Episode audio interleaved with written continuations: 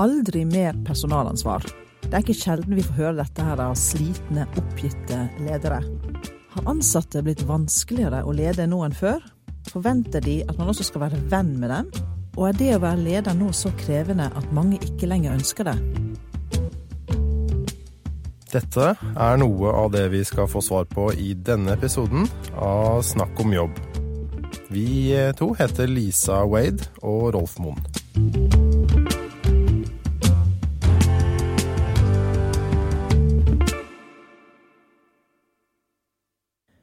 Velkommen til en ny episode i podkasten for de som er opptatt av alt som skjer, burde skje, eller absolutt ikke burde foregå i arbeidstiden. Og i dag skal det handle om ledere som er uh, møkka lei, rett og Ja, slett. Og ja. møkka lei folk. Ja, for dette, det er en god del ledere som ønsker det aller beste. Levere, de ønsker å levere godt over forventet. Men så har de en hverdag da hvor de skal følge opp sykemeldingen til Petter. Og det krever jo møter med fastleger og Nav. Og så er det kanskje en, eh, en annen kollega som er i skilsmisse. er Persilleblad for tiden. Så er det nyansatte som skal uh, ivaretas, og de har strengt tatt kanskje litt mindre initiativ enn man hadde trodd. Så mange ledere ender med å legge inn ganske mange tolvtimersdager da, for å, for å få jobben gjort. Ja, og det bildet du tegna der av at uh, gjengen, flokken, som skal utføre det totale arbeidet, liksom ikke møter de forventningene som, uh, som lederen hadde. Og, og, og bli gående og baske og føle at uh, folka, som en kontrast til at de skal liksom være med å bygge, så um, trenger de en haug med støtte.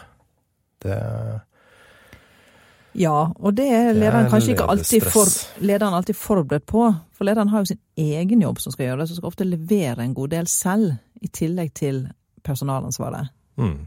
Nesten alle ledere, i hvert fall eh, litt, på et litt lavere nivå enn sånn toppledernivå, hvor jo nesten alle ledere er, mellomledernivå og sånne ting, der, der er det ofte forventninger til at ledere skal være ganske så produktive på egen hånd utover det å drive og få resultater gjennom andre, som det heter på, på fint. Jeg har aldri likt det uttrykket. Resultater gjennom det? andre. Nei, jeg synes gjennom andre. Jeg synes det høres litt sånn manipulerende ut, da. Sånn at, eh, men det er et sidespor. Det får vi diskutere senere. Det er et sidespor, men det jeg tenker på er, er det, Jeg lurer på om det er for store forventninger til ledere. For på den ene side så det er veldig mye snakk om ledelse i media alle steder. Så, så det er veldig mye som går liksom inn i den lederrollen, hva ledere skal få til. Og det tror jeg mange ledere har store forventninger til seg selv. Så opplever de forventninger fra sine medarbeidere og fra sin egen leder. Det blir rett og slett litt mye. Ja, det blir, en, blir altfor store sko. Altfor store sko Alt for store sko. Det blir en slags umenneskelighet å fylle den rollen. Tror jeg mange ledere ender opp med å, å, å ha et, et bilde av hva lederrollen skal være, som er altfor stort å fylle. Um, så da er vi inne på en, på en forklaring til hvorfor ledere fort befinner seg der. Da. Og, og, nå, og, det jeg gjorde nå, var at jeg sa at det var liksom lederens bilde, men det er jo litt feil å si. For det er jo ikke bare lederens bilde. Det kan være lederens bilde av hva lederen skal gjøre. Det kan være de folka rundt sin idé om hva lederen skal gjøre. Det kan være virksomheten eller organisasjonen som spenner opp forventninger veldig, veldig høyt. Sånn at man får en liste som rett og slett er så lang at den Ja. ikke mulig å oppfylle. Det Mm. blir en sånn kravspekkliste som er helt uh, urealistisk. Mm. Men det snakkes jo kanskje litt lite på arbeidsplassen om dette. Forventninger til ledelse og hva rollen skal innebære. Det tror jeg du har rett i. At det er, eh, at det er for lite tegna opp, for lite spesifisert hva lederrollen skal brukes til. Altså hva man skal fylle en normal arbeidsuke med. Så, så, eh, så mange ledere som sitter, setter seg ned hos oss eksempel, i veiledning og begynner å tegne opp alt det de skal gjøre, så ender de opp med at det er dobbelt jobb, eller det er halvannen stilling, eller det er, eh, det er noe som ikke henger i hop. Ja. Det er altfor høyt forventningsspenn. Slik at man er nødt til liksom å finne ut hva er det som er godt nok innenfor den, eh, innenfor den arbeidstiden man har å by på. Og da tenker jeg kanskje den personalsiden er noe av det som har økt forventninger til det, hvordan en leder skal være overfor sine medarbeidere. At den har økt ganske betydelig si, de siste 20 årene. da. Det tror jeg du har rett i. Det er andre, andre forventninger i dag enn det var før. Mm. Vi har jo sett mye den coachende lederstilen. At Ja, lederen skal ja. gå rundt og være med og forløse talent og forløse potensial hos medarbeiderne. Ja, Ganske krevende. ganske heftig oppdrag. Um, og det er jo en av de største som trendene har vært med lederrollen. At man skal inn og, inn og gjøre folk eh, eh, større enn de er eh, i utgangspunktet. Fylle, altså utvikle seg. Et, på mange måter et nydelig ideale, og et spennende ideale, men, men vips så ble det et umenneskelig ideale. Så det, det er en, både en interessant trend og en krevende og farlig trend. Ja, farlig fordi at leder ledere kan komme til å tro at de må være venn med sine medarbeidere for å være en god, god leder. Og det er jo en skikkelig fallgrube. Mm. Det er den boss buddy-problematikken som, eh, som eh, jeg har vært ganske opptatt av. Ja, du har til og med skrevet en bok om eh, det dilemmaet med boss buddy. Jeg tenker ledere må være opptatt av å på den ene siden sette en retning, og vise Være boss. Ja, Mm. være boss på en positiv måte. Da. Mm. Det er positivt. Tydelig, en Tydelig. tydelighet, retning. Ja. Mm. Uh, og så også i andre situasjoner, da.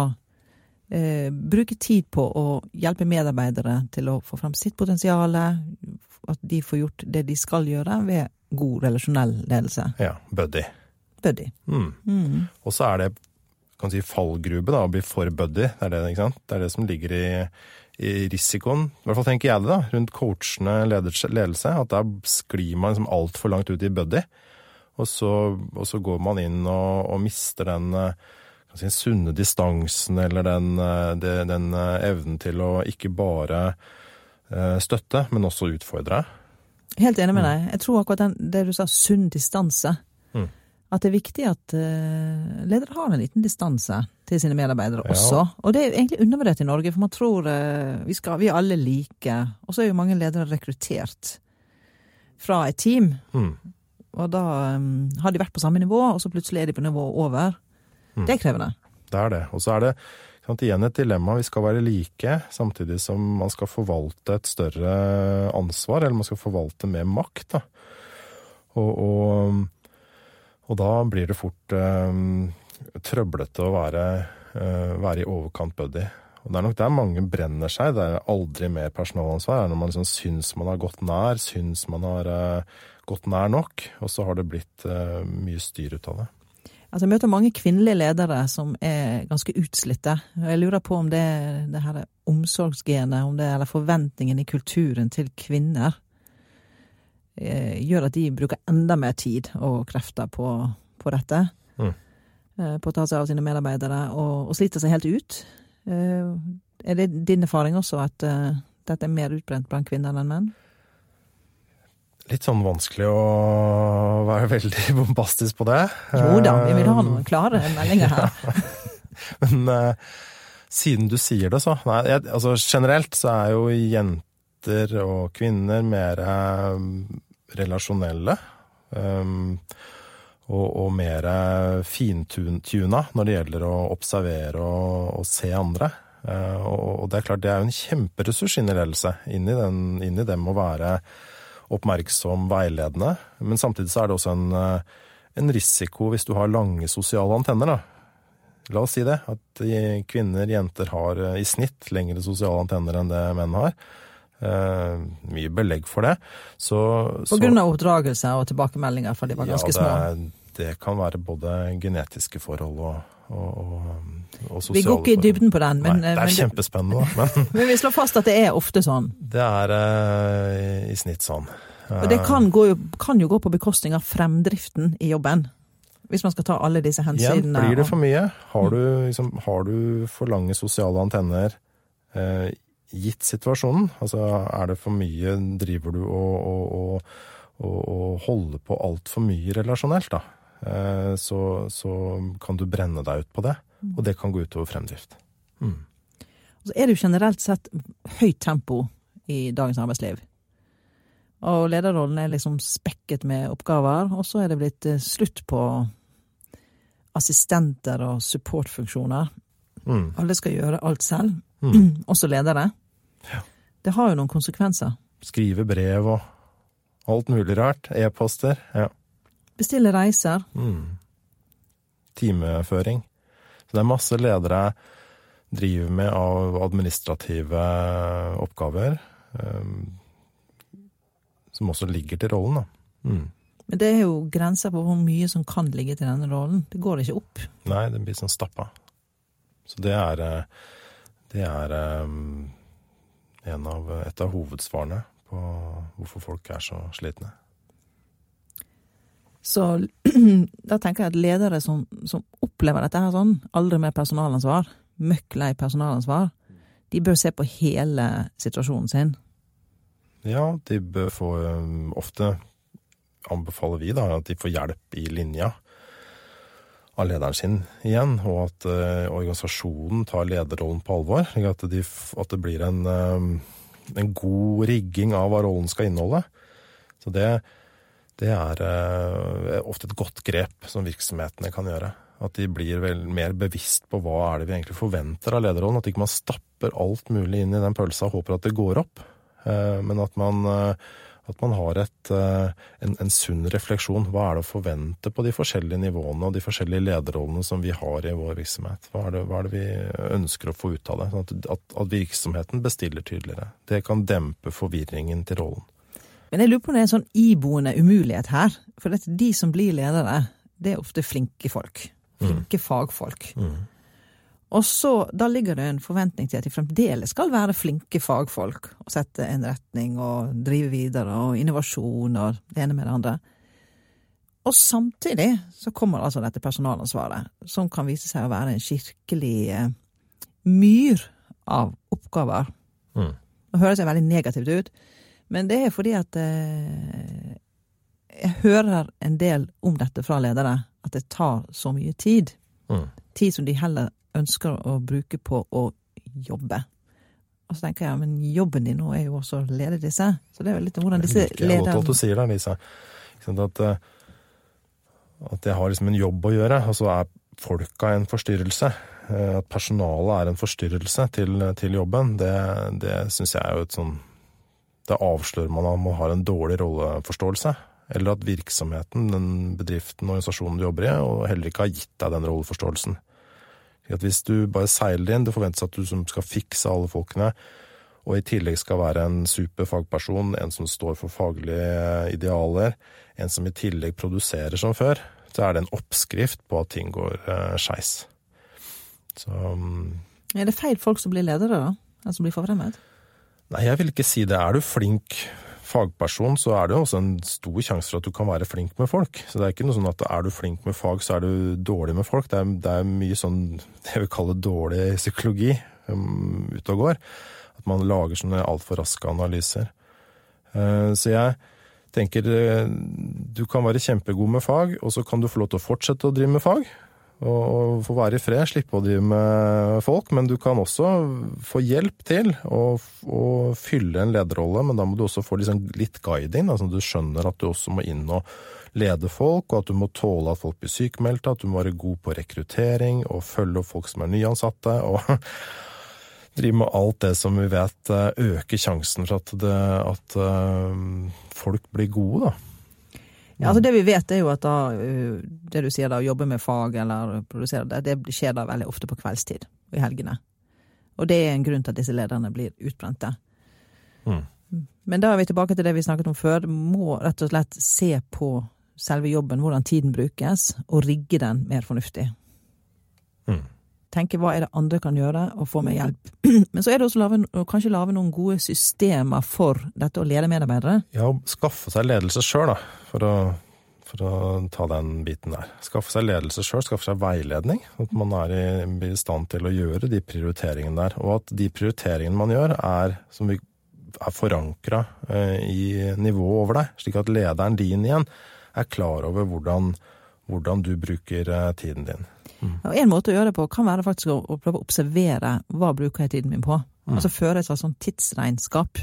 Sånn at du kan ta med din leder og si vet du, jeg bruker 30% av tiden min på dette, 40% på det, og hvor ønsker du at jeg skal prioritere her? Hva skal jeg sette inn? Mm.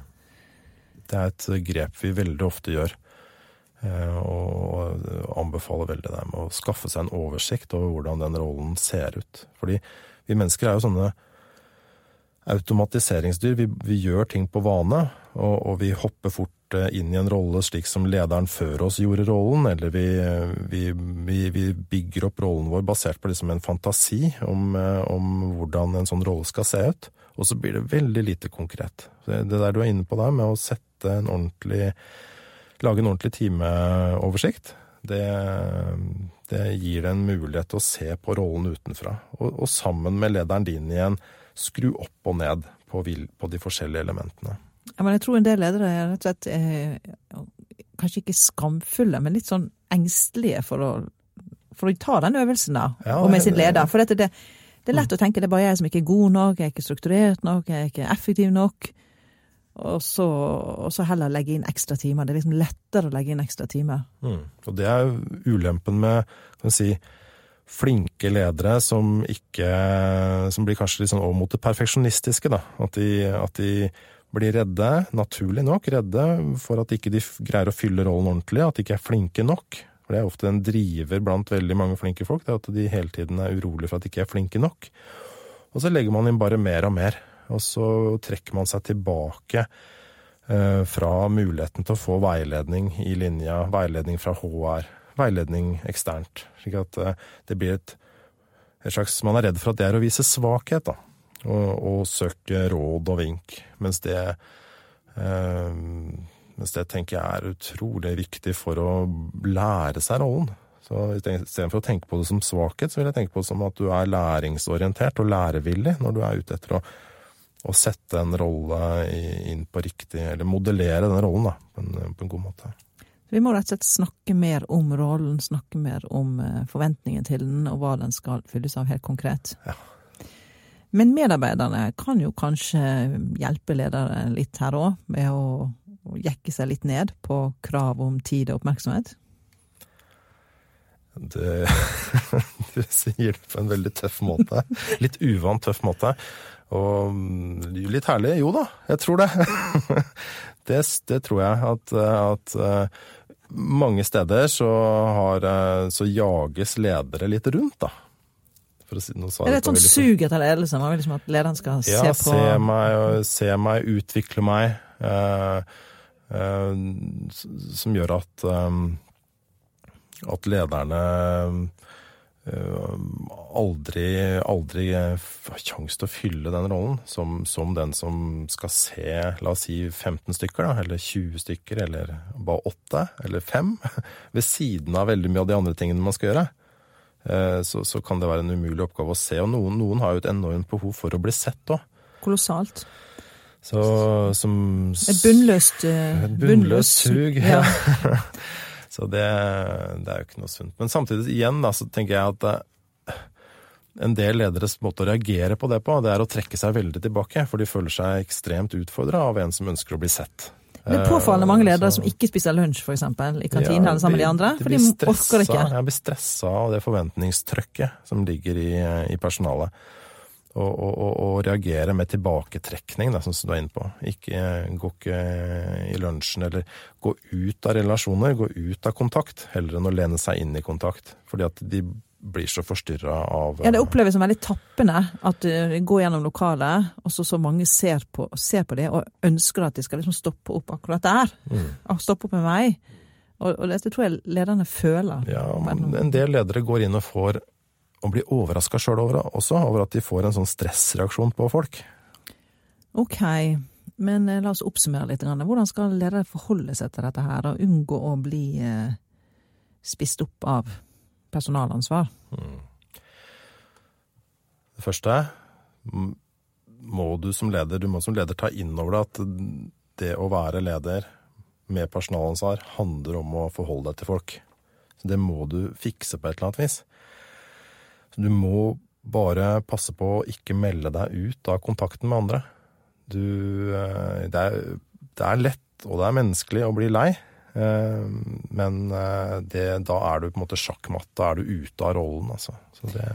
Så innføre noen gode, sånne, litt god struktur der. Ha noen faste møtepunkt med medarbeidere, sånn at det blir det blir ikke noe sånn tilfeldig over det, men at det er noen faste, gode rutiner, systemer. Mm. At du har en innsjekk, slik at du tenker at uh, av de ti folka som jeg er leder for, så, så skal jeg på en måte ha en kontakt med dem. Jeg skal ha en, en innsjekk med dem. Jeg skal ha en, en, eh, aktivitet en gang i uka, en gang hver 14. dag. Så er det en eller annen struktur som gjør at jeg sikrer at jeg er i kontakt. Ja, men problemet er jo at mange føler det er for mye kontakt.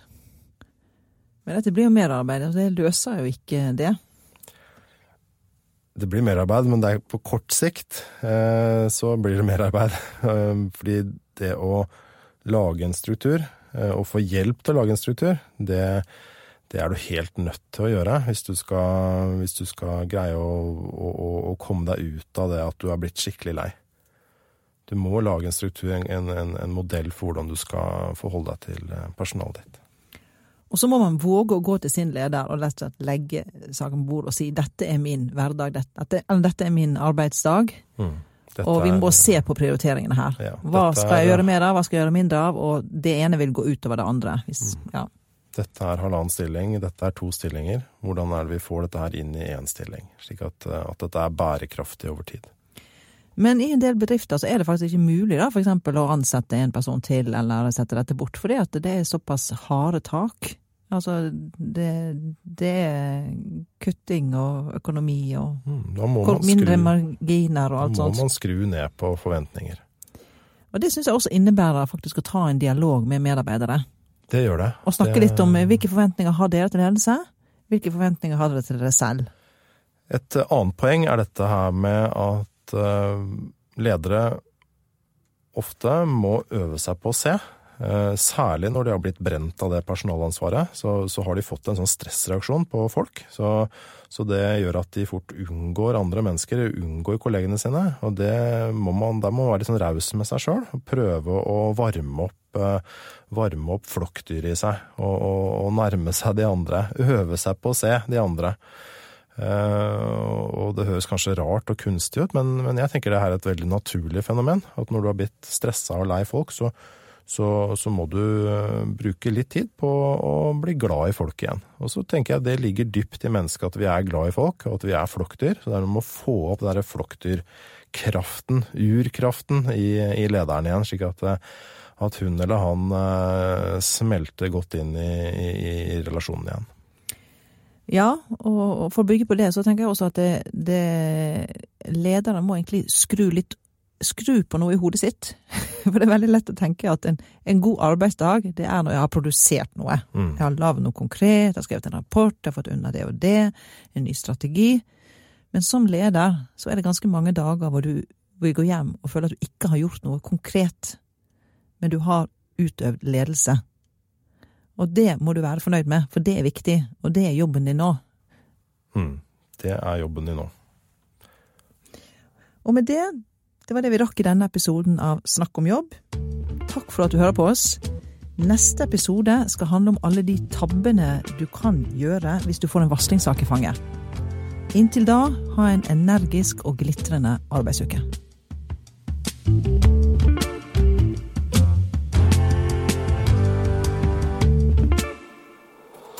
Produsert av Rubicon.